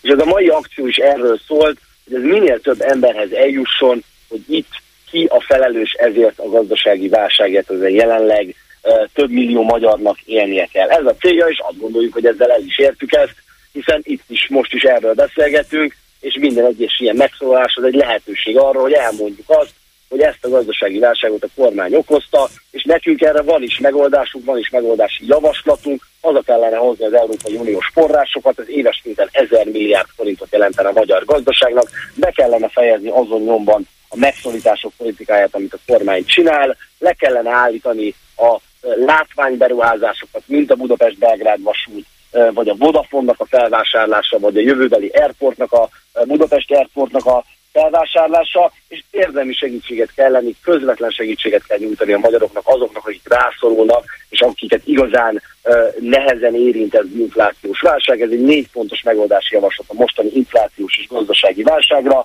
Az a célunk, hogy ez minél több emberhez eljusson, valamint az az igazság, hogy ezt a kormány okozta ezt a gazdasági válságot. Ugye ők folyamatosan azt kommunikálják, hogy ez a szankciók miatt van, meg a háború miatt van, de hogyha ez így lenne, akkor nem lenne az euró, vagy a magyar infláció három, háromszorosa az európai átlagnak. Gondolom, hogy ezután a beszélgetés után gyorsan fogja magát és rohan a Kossuth Rádióba, vagy a Hír TV-be, vagy a Hír FM-be, hogy ott is elmondja ezeket. Szóval én értem, hogy így is eljut egy bizonyos közönséghez, de ez a közönség megvan önöknek. Ez a közönség tud arról, hogy önök mit csinálnak, nagyjából mit képviselnek, és nagyon nem ért egyet sem Orbán Viktorral, sem a gazdaságpolitikájával, és őket is hibáztatja mindazért, ami történik. De éppen azokhoz nem jutnak el, sem nyilatkozatokban, sem az akcióikkal, mert gondolom ezt nem lehet majd látni az állami állami televízióban, meg a, meg a TV2-ben, meg a többiben. Szóval hiába próbálkoznak, éppen azt a közönséget nem tudják megszólítani, amelyiket egy kicsikét el kellene bizonytalanítani az Orbán Viktorral szemben érzett imádatúban. Meg lenne lepődve bolgár úr. Én járom az országot folyamatosan, mert összes képviselőtársam járja az országot, beszélgetünk az emberekkel, és rengeteg olyan ellenzéki, illetve bizonytalan szavazó van, akik nem tudják, hogy ez a gazdasági válság, ami jelenleg van az országban, ennek ki a felelősség, és hogy jutottunk el idáig. Szóval azt gondolná az ember, hogy ez egyértelmű mindenki számára, de sajnos nem az. Annyira erős a kormánynak a propagandája, amit éves szinten 100 milliárdos közpénzzel tolnak meg, hogy ezt rengeteg ember nem tudja, és tényleg azt gondolják, hogy a háború miatt vagyunk ilyen gazdasági helyzetben. Az kétségtelenül igaz, amit mond, hogy sajnos a kormány szavazóihoz, a Fidesz szavazóihoz sokkal nehezebb nekünk eljutni, nem hívnak meg a Hír TV-ben, meg a Kossuth Rádióba, mert a Hír TV-ben volt egy-két szereplésen, de aztán gyorsan leszoktak róla, miután látták, hogy ez nem az ő, nem, nem nekik kedvez, amikor én bemegyek a Hír TV-be, de, de természetesen igyekszünk kormány kormány szavazókat is, Fidesz szavazókat is megszólítani, nyilván ez egy sokkal nehezebb műfaj, de ezt az üzenetet, hogy a Fidesz a felelős ezért a gazdasági válságért, ez sajnos nem minden ellenzéki uh-huh. bizonytalan szavazó tudja, ezért igyekszünk most ezzel alatt a kampány alatt minél több emberhez eljutni ezzel. Ja, de mostantól kezdve meg lesz a kormánypárti médiának az a kifogása is, vagy ürügye is, hogy nem hívja, hogy svédeket csak nem hívunk be a stúdióba, nem? Na jó, szóval még egy dolgot. Ma jött ki a Medián közvéleménykutatása, és hát nem, nem túl szívderítő az ellenzékre nézve, ezen belül a Momentumra nézve sem mert olyan 6%-ra mérik a biztos pártválasztók körében. Bejutnának a parlamentbe, de hát egy ilyen fiatal, dinamikus, akciózó pártól az ember azt várta volna, hogy megy-megy följebb, egyre több szavazót és szimpatizáns gyűjt, és nem ez a helyzet. Valamiért, minthogyha, és ez lé- lehet, hogy részben az önök hibája is, hogy túlságosan egyfajta, egynemű ez a csapat, ez a 20-30 éves, fiatal, értelmiségi, városi értelmiségi, művel tájékozott, okos, sok mindenhez értő fiatal társaság, amelyik azonban mintha nem tudna néppártá válni, pedig ahhoz, hogy győzni tudjon, önöknek is valamilyen módon néppártá kellene válniuk, és egyelőre személyükben, a párt vezetésében nem látszik ez. Merre van a kiút? Én nem tulajdonítanék túl nagy jelentőséget ennek az egy kutatásnak, most pont volt kettő, kettő korábbi kutatás, volt egy závekes kutatás, meg azt hiszem egy publikus, nem tudom pontosan melyik, de rendre 10% környékére mérnek minket, és az elmúlt fél év tendenciája minden kutatónál az, hogy bizony nő a Momentum, és nő a Momentumnak a támogatottsága. Most volt egy darab olyan mérés, amin kicsit alacsonyabb százalékot mértek nekünk. Én nem gondolom, hogy ez, hogy ez olyan nagy pont lenne, hiszen hiszen egyszerűen így működnek a kutatások, sokkal fontosabb a tendenciát nézni, és a tendencia minden kutatónál az, hogy, hogy a Momentum növekszik. Nyilván még hosszú az út előttünk, egy óriási ellenszélben próbálunk politizálni, de természetesen dolgozunk tovább, és igyekszünk minél nem kéne ilyen 40-es, 50-es megállapodottabb embereket, önök is meg vannak állapodva persze, de mégiscsak azt az egyel önök fölött lévő korosztályt is valahogy megszólítani, számuk vagy közülük olyan akár politika iránt érdeklődő aktivistát, politikust verbuválni, akikkel megmutathatják, hogy mi sokféle korosztályt és sokféle érdeket is tudunk nagyjából összeegyeztetni és képviselni? Dolgozunk ezen is természetesen, rengeteg olyan tagunk van, aki ebből a 40-es, 50-es korosztályban, korosztályból származik, és, és azt gondolom, hogy a jelenlegi gazdasági programunk is, mert a korábbi Holnap Magyarország a terve, egy olyan szakmai program, aki, amivel tudnak azonos, tud azonosulni ez a korosztály is, szóval szerintem, szerintem azért ez is megvan a Momentumban, és nyilván ezzel is foglalkozunk. Köszönöm szépen Bedő Dávid országgyűlési képviselőnek a Momentumtól. Viszont hallásra! Viszont hallásra! Háló, jó napot kívánok! Jó napot kívánok, Bolgár úr, Bocskai György vagyok. Parancsoljon! következő miatt hívnám, nagyon nagy érdeklődéssel hallgattam a Halendrével folytatott beszélgetését, különös tekintettel a DK helyzetére és szeretére, és ezzel kapcsolatban Gyurcsány Ferencnek a szeretére. Nagyon érdekesnek találtam.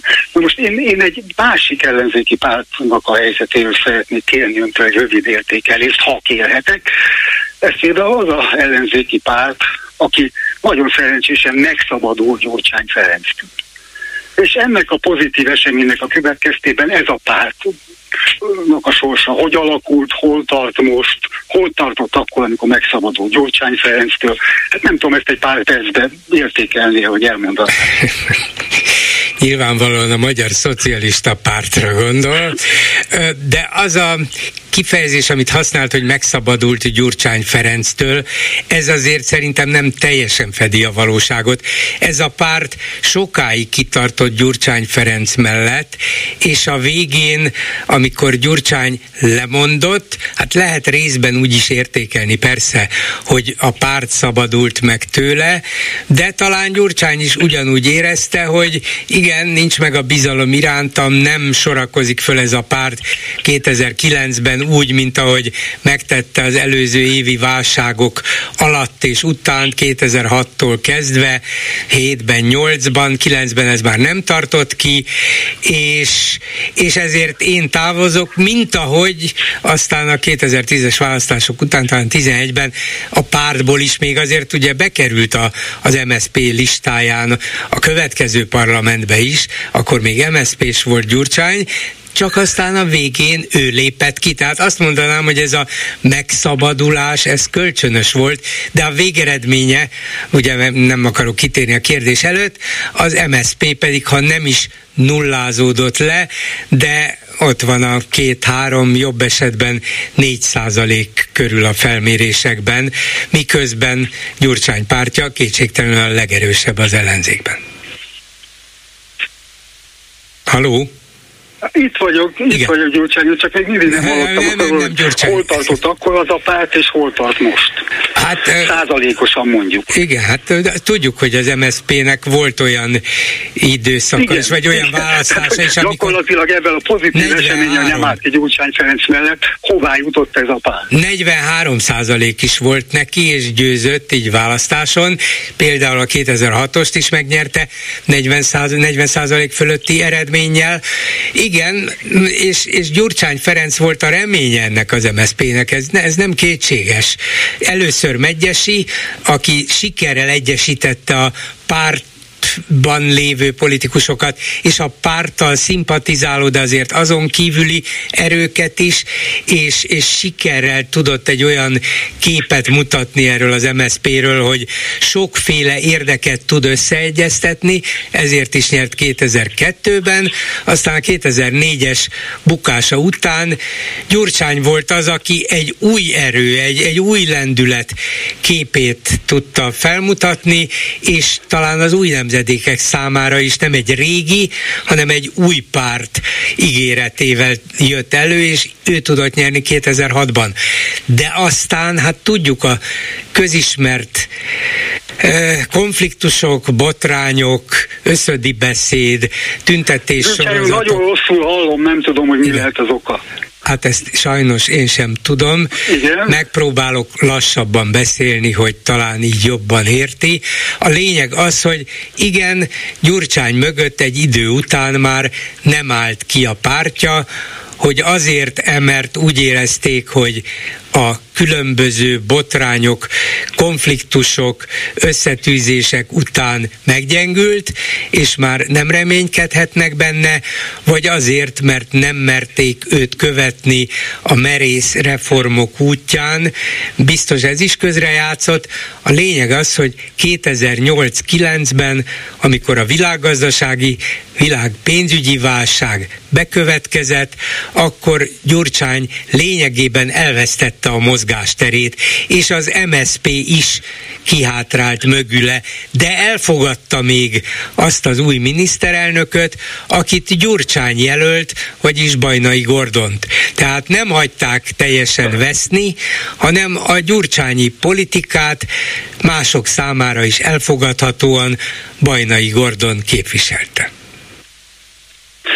Ezt én minden, minden értem, értem, amit ön mond, csak ugye nekem az a gondom, hogy még gyakorlatilag az összedi beszélés következményeit se értékelte ki, ez a rádió sem és ön sem egyértelműen, mert ha belegondolunk, az összedi beszéd következményeinek tudható be mindez majdnem, amit ön elmondott, és ez nem Gyurcsány Ferencnek tudható be, hanem az MSZP azon vezető személyiségeinek, akik őt elárulták és eladták a Fidesznek.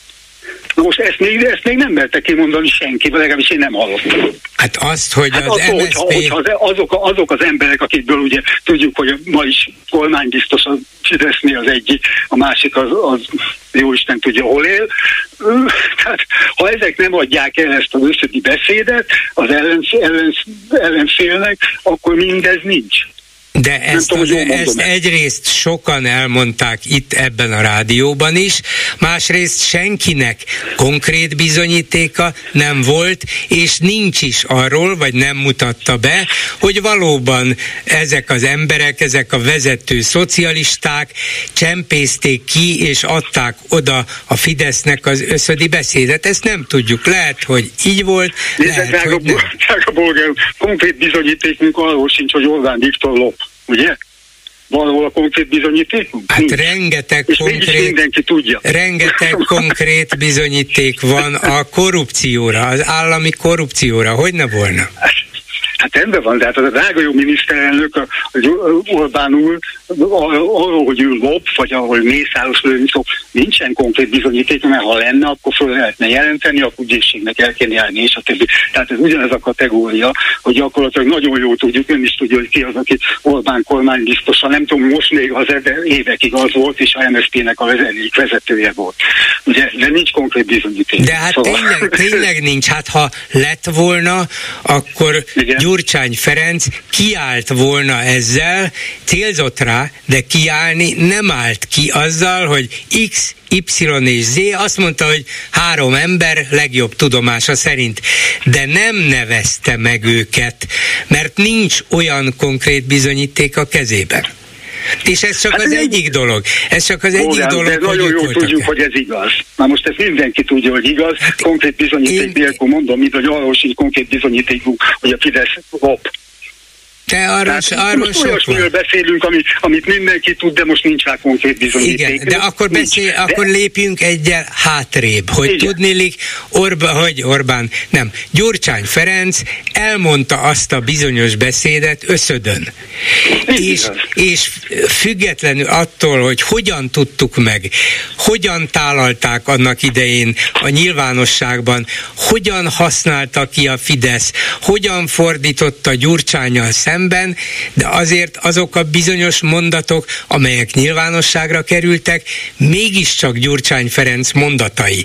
Lehet úgy értékelni, hogy beismerte azt a hibát, amit elkövetett, hogy sajnos hazudnunk kellett bizonyos nagyobb célok érdekében, hogy fenntartsuk az ország működőképességét, azt is lehet tudni, hogy a politikusok gyakran, vagy szinte mindig kénytelenek erre, meg még azt is tudjuk, hogy a többségük ezt nem ismeri el, nem hajlandó, de ha valaki mégiscsak elismeri, akkor annak lesznek politikai következményei. Hát ez is egy tény.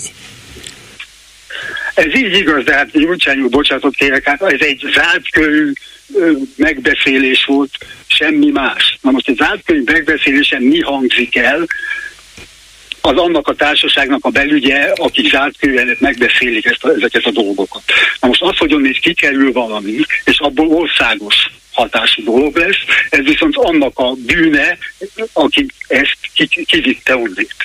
Hát tegyük föl, egy... igen, igen, jó, értem én, és sok igazság van benne, de tegyük föl, hogy Orbán Viktor is mond egy ilyen köcsei beszédet, ami ugyanilyen beismeréssel van tele, hogy bevallom nektek, hogy ezt az elmúlt 13 és fél évet én végig hazudoztam, titeket félrevezettelek, az országot pláne, sőt, még loptam is, és van egy renitens Fideszes, aki ezt nyilvánosságra hozza. Akkor, bár nem kapcs, nem hasonlítanám össze Gyurcsány ténykedését Orbánéval, mert összehasonlíthatatlan, és Orbán tönkreteszi ezt az országot minden értelemben, de most csak ezt az esetet vegyük, az e- potenciális esetet. Ha valaki ezt kiszivárogtatja, akkor én azt lehet, hogy azt mondom, hogy ez egy hazafias cselekedet volt, nem pedig egy fideszes áruló műve, bár lehet, hogy a Fidesz is összeomlik, meg, meg Orbán is megbukik, nem? Hát egyértelmű, de most éppen azt akarom mondani, hogy félreértések elkerülése végét én nem vagyok egy, nem vagyok egy Gyurcsány fan, nem szeretném, hogy Gyurcsány Ferenc még egyszer miniszterelnök lenne, de például Dobrev Klárát én nagyon szívesen elfogadnám. Na most azt, hogy rákényi, rákényi Gyurcsány Ferencnek adott esetben a bűnért, bár szerintem olyan bűnt nem lehetne rákenni, hogy ő lopott, mert ilyenről nem tudom. Ön tud, ilyet tud? Nem, egyrészt nem tudok ilyenről, másrészt nem tette tönkre a demokráciát Magyarországon, nem építette le, hát nem próbálta az ellenzéket megsemmisíteni, nem akarta kivinni az országot Európából, nem, akart, nem akarta az, az agresszort támogatni a megtámadott áldozattal szemben, és így tovább. Tehát rengeteg olyan dologban különbözik Orbántól, ahol egyszerűen még az összehasonlítás is méltatlan, mert Orbán sajnos tönkreteszi az országot. Gyurcsányra lehet legfőjebb azt mondani, hogy ezt nem jól csinálta, vagy itt hibázott, vagy ezt nem kellett volna, de az nem ugyanaz, mint szisztematikusan kiépíteni egy önkényuralmat, amit Orbán Viktor csinál. Így van, na most nézze, én ezt az beszédet egyébként is az első perctől kezdve úgy láttam, hogy semmi más nem történt, mint hogy a pártvezető leszúrta a párt elitet, pontosan azért, hogy emberek ne lopjunk tovább, és kezdjünk el normálisan dolgozni. Én ezt így láttam, ezt a beszédet valahol, lehet, hogy rosszul láttam, mondja el, ha rosszul Nem, láttam. Nem, jól, tartalmilag jó ezt, volt, igen. Tartalmilag ez egy jó beszéd volt, progresszív beszéd volt, na most igen. Ne, így van. Na most viszont, viszont ezt a, a gyakorlatilag az MSZP elitje sértőnek vette, hogy hogy lehet azt tőlünk elválni, hogy ne lopjunk, és ráadásul dolgozunk is és ezért föladta Orbán. Hát, ez egy Gyurcsány, bocsánat. Ön nem így látja? Hát azért nem kifejezetten arról volt szó, hogy ne lopjatok tovább, csak hogy ne a munka könnyebbik végét fogjátok meg, ne próbáljátok hát, mondom, itt le is ilyen... venni őket, igen. hogy dolgozni kéne. Igen, hát per, jó, azért mondom, hogy stimmel, hogy most aztán ki mit nehezményezett ebből, és hogy akarta volna Gyurcsányt rövidebb pórázon tartani, biztos akarták sokan, van, ez egy másik kérdés, és mondom, nem lehetetlen az a verzió, amire ön céloz, hogy MSZP-s vezetők szivárogtatták ki ezt a beszédet, de azért abban a beszédben olyan mondatok hangzottak el, amire építve szét lehetett zúzni az MSZP-t is, meg Gyurcsányt is. Hát ez teljesen egyértelmű, csak mondom, itt nem az a bűnös, aki elmond egy zárt rendezvényen egy beszédet, bármilyen beszédet, hanem az, aki ezt kijuttatja, ráadásul eljuttatja azokhoz, akik az ellenszen. Na de hát ők is megbuktak végeredményben. Itt most nem is ez a kérdés, megbuktak, ennek meg lett a politikai következménye. Az MSP látjuk, hogy valóban minimális kis pártás zsugorodott össze, nyilván nem ettől, ettől teljesen függetlenül, de a kérdés az, és ugye Hannendrével folytatott beszélgetésemre utalt, hogy annak ellenére, hogy Gyurcsány Gyurcsánynak sikerült egy működőképes pártot létrehoznia, és annak politikai programja tartalmilag kifejezetten elfogadható és szimpatikus, és hogy az új vezetője Dobrev Klára sokak számára elfogadható vezető ellentétben talán magával Gyurcsányjal, ez mindig az, és mégsem sikerül egy bizonyos szint fölé emelni a népszerűségét, a támogatottságát, és ezen kellene valahogy gondolkoznia nekik is, nekünk is, mindenkinek.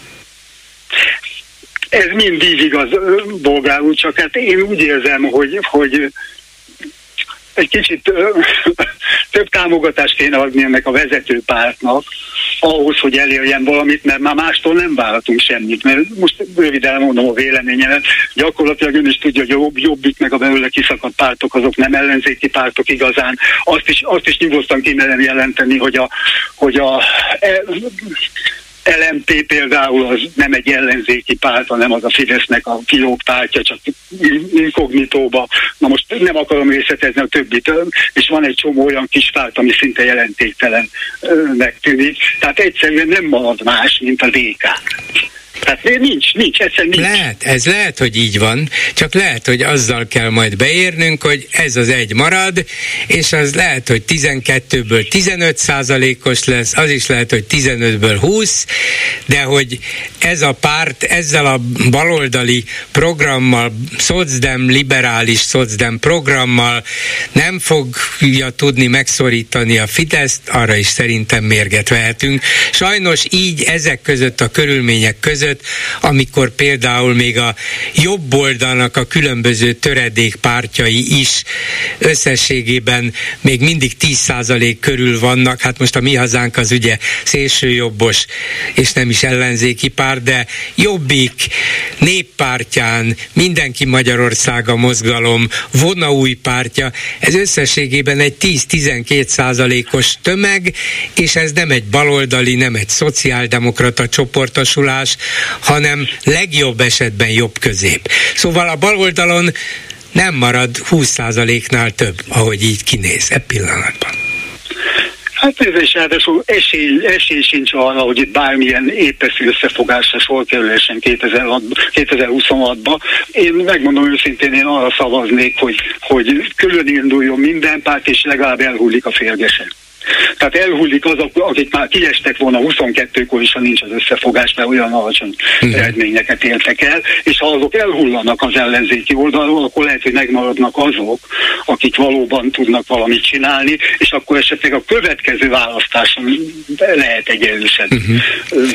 Hát lehet, lehet, hogy aztán ebben a nemes vetélkedésben a városi önkormányzatok is elhullanak-e, és az ellenzék együttműködése lehetetlenné válik a kölcsönös vetélkedés és bizalmatlanság miatt, hát ez majd szintén ki fog derülni, de lehet, hogy a férgesével együtt el, elhullik a sok ellenzéki városvezetés is. Nézze, alig ha egy-két szót hallok, aztán szünet, aztán Aha. megint egy-két szó. Sajnálom, köszönöm szépen, viszont hallásra. Én is köszöntem, minden jó dolga. Van egy hallgató a vonalban, de itt van Lőrinc Saba is a Facebook kommentekkel, úgyhogy mit írnak? Szia Gyuri, köszöntöm a hallgatókat. Rögtön akkor az első komment. A kormánypártnak nincs szüksége civil szakértőkre, nem hallgatna szakmai tanácsokra, lopni meg nem segítenek, de azt náluk jobban nem tud senki. Abban ők a szakértők. Hogyne, sok mindent művészi szintre emeltek, valóban. Hát például a kétfelekű kijelentéseket, de ez ez azt hiszem nem meglepő. Egy másik gondolat. Konc Gábor, Kossuth Díjas, érdemes művész még Orbán Viktor regnálás alatt szeretne meghalni. Magyarországon elég ritka a száz éves ember, de kitartás művész úr. ez nem volt egy nagyon optimista eh, hozzászólás, de hát mennyi, mennyit is célzott meg Orbán tényleg még legalább 15 évet valóban. Eh, nem is rossz belegondolni. Klaus Ferenc másfél éve megalapította a Science for People Egyesületet, amiben Ukrajnának segítenek tudományos, a tudományos élet ö, ö, tagjai. Ezzel kapcsolatban egy gondolat. Tartok tőle, hogy erről tudomást szerezve, a, illetve a, igen, Tartok tőle, hogy erről tudomást szerezve a Kopeika média pillanatok alatt kideríti, hogy a fizikai Nobel-díjat odaítélő bizottság elnökének az anyja egy malomtulajdonos kulák szeretője volt. Bevallotta spondja rá, nem mondjon semmit, mit úgy, úgyis tudunk mindent. Virágjelvtárs update. Igen, mindent tudnak. Na. Azt hiszem elég, elég pontosan be van lőve a miniszterelnök és természetesen a környezete beszéd és öltözködési stílusa. A medián jelentésében csak két olyan demográfiai csoport van, amelyben a többség kitartana a jelenlegi kormány mellett. A legalacsonyabb jövedelműek és a legkevésbé iskolázottak. Így a következő komment. Igen, ez is igaz. De mégiscsak belül ők vannak a többségben. Ez a másik. hát jól célozták meg a fogadóképes közönséget. Így megy ez a NER rendszerben, újra a Nobel-díjas témához visszatérve. Először körbehülyéznek mindenkit, az egész világot, mindenkit gyaláznak, aláznak, anyáznak, korra, nemre és vallásra való tekintet nélkül, azt utána meg csodálkoznak, hogy miért ilyen a világ velük. Miért nem tisztelik őket? Amilyen a fogadjisten, olyan az Isten, ugye? Most meg a Nobel-díj. Kis újszállási asszonyság, utána meg dicsérik. Már kes, eső után kicsit késő a köpönyeg. Hát azért Orbán akkor se volt ellenséges, Karikó Katalinnal, csak talán nem találta a megfelelő formulát, hogy az elismerését kifejezze. Talán azt akarta jelezni, hogy lám egy vidéki kisvárosból is lehet a világhírhez eljutni, és ez, ezért jutott eszébe ez az asszonyság, nem volt szerencsés, de mindegy, szerintem Karikó Katalin, aki annyira megértő mindenkivel szemben, ezt sem vette rossz néven, úgyhogy arra azért az egyik kollégánk hívta fel a figyelmemet, hogy az ilyen kijelentések a, a vidékről feltörő nagy, nagy sikerű, egyébként tényleg kétségtelenül hatalmas sikert arató tudósainkkal kapcsolatban, mint hogyha magát dicsérni valahogy Orbán vele. Hát azért nyíltan ezt nem meri Nyíltan megtenni, semmiképpen, de burkoltan azt, akkor azt is nehéz volna bebizonyítani, hogy azért van. kaptak Nobel-díjat, mert Orbán olyan remekül vezeti az országot. Az utolsó komment pedig nekem szól, Csaba Urfi figyelmébe. Urfi, Urfricska. A hanyató svájci infláció a legutóbb értéke mínusz 0,1 százalék, vagyis nincs infláció. Biztosan a kék plakátok miatt.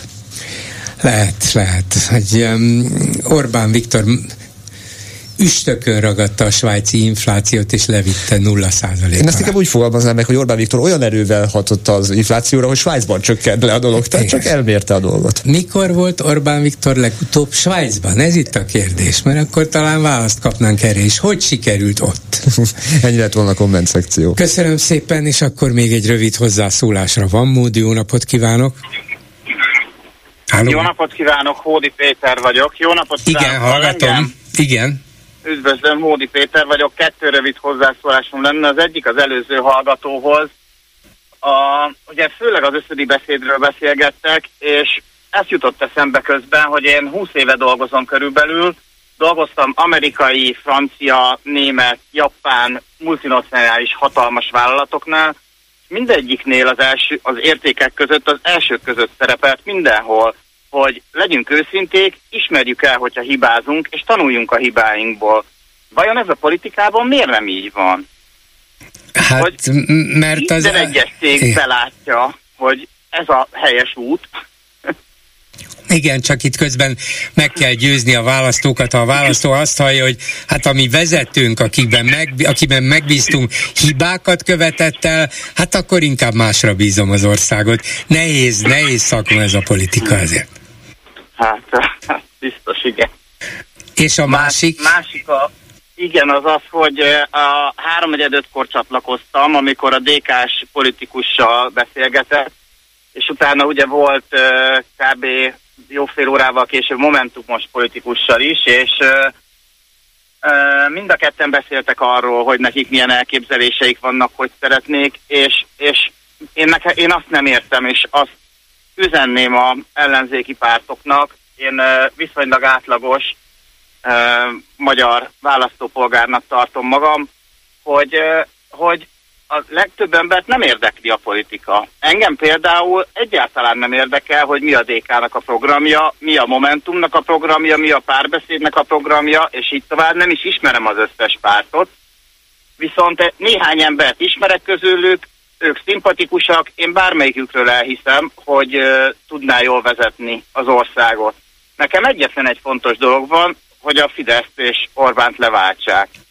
Hogy nem látják azt, hogy, hogy ez az egyetlen egy közös cél, aminek most mindent vinnie kéne. Igen, és, és össze ehhez... kell állni, és pragmatikusan mondani igen, azt, igen. hogy a, vagy velünk van, vagy ellenünk. Tehát vagy velünk, vagy, vagy az ellenzékben, vagy, vagy Orbánnal, vagy ez a két opció van. Igen, és Aki ehhez meg kell, meg kell találni, van. és meg kell találni ehhez az alkalmasnak látszó vezetőt, igaza van.